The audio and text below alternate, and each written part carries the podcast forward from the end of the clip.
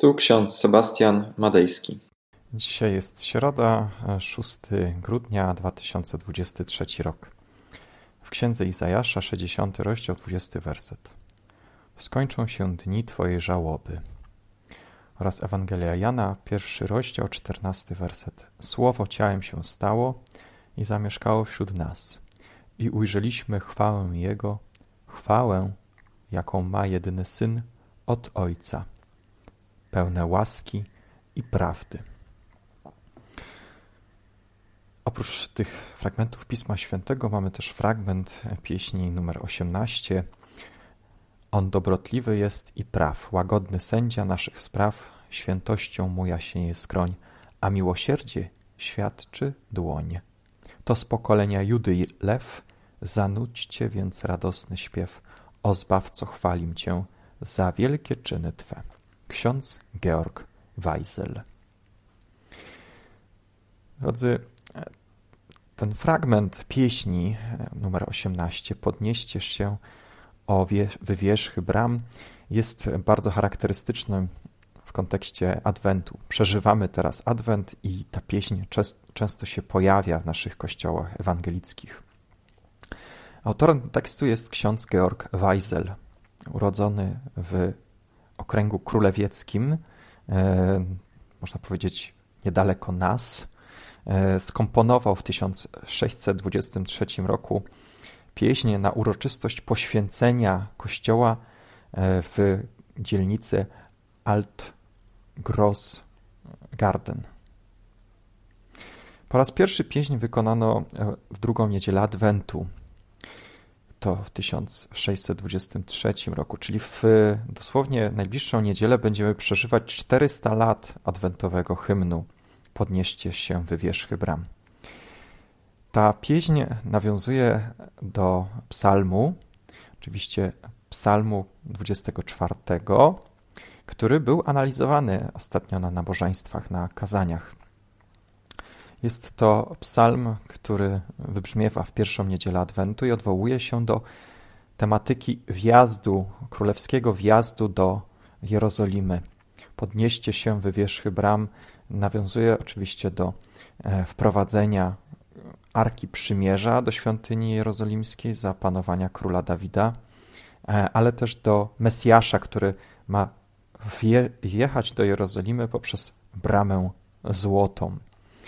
Ta pieśń jest przede wszystkim e, wyrazem ogromnej radości z tego, że to Bóg przyjeżdża, wjeżdża do naszego e, życia w sposób łagodny, w sposób sprawiedliwy, nie narzuca nam się, a my pragniemy Go chwalić za Jego dobroć, za Jego prawość, za to, że jest sędzią łagodnym, że Jego miłosierdzie mu towarzyszy. Zatem ta pieśń nie tylko jest e, odwołaniem się do konkretnego, pism, e, konkretnego fragmentu Pisma Świętego, ale też e, przekazuje pewną mesjańską myśl. To oczekiwanie na Mesjasza towarzyszy Żydom, a także nam, chrześcijanom, od wieków. Pytanie jest, które stawia przed nami też ten psalm, to czy w naszym życiu czekamy na przyjście Mesjasza? Czy już zapominamy o nim? Mesjasz przychodzi do nas jako łagodny, jako sprawiedliwy władca. Nie taki władca i król, jakiego znamy z kontekstu świeckiego, sekularyzowanego, ale jako władca, który jest sprawiedliwy i miłosierny. Ten fragment Pisma Świętego z Księgi Izajasza, 60 rozdział, 20 werset, mówi o tym, że skończą się dni naszej żałoby. Nie będzie smutku już, nie będzie cierpienia. Bóg powoła tych, którzy zasnęli na nowo do życia.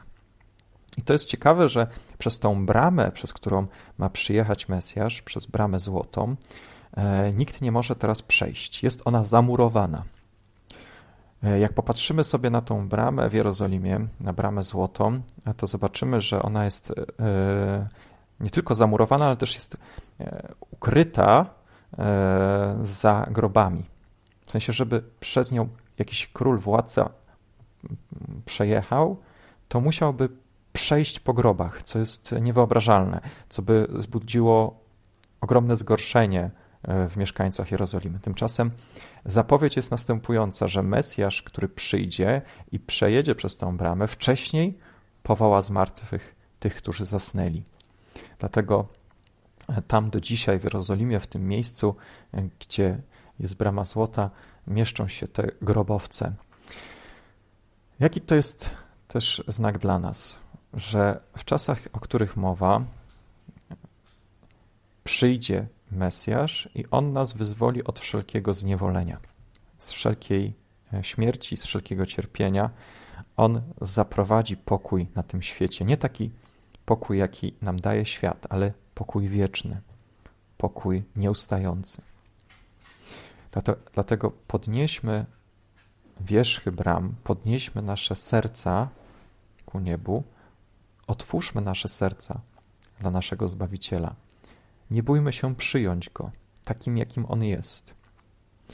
W jakim aspekcie swojego życia możesz przyjąć Mesjasza? Zastanów się chwilę dzisiaj. Może jest jakaś sprawa, która powoduje u ciebie dni żałoby. Może powoduje w twoim życiu jakaś sprawa cierpienia. Może jakaś relacja została zburzona. Pozwól Chrystusowi działać w tym miejscu twojego życia. On ma moc wzbudzić z martwych nawet to, co się człowiekowi e, wydaje, że to już jest zamknięte, to już jest koniec, że już nie ma ratunku.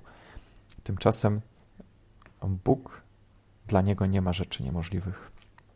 On staje się synem, synem, który przychodzi do nas, który nas zbawia od naszego smutku, cierpienia. Tego Wam życzę, abyśmy otwierali nasze serca, nasze bramy naszych serc przed tym naszym Zbawicielem, Mesjaszem. Amen. Pomódlmy się. Wszechmogący, miłosierny Boże, dziękujemy Ci za to, że Ty jesteś naszym Królem. Spraw łaskawie poprzez Ducha Twego Świętego, abyśmy otwarli nasze serca na Twoje działanie. Ty jesteś obiecanym od prawieków Mesjaszem, Królem.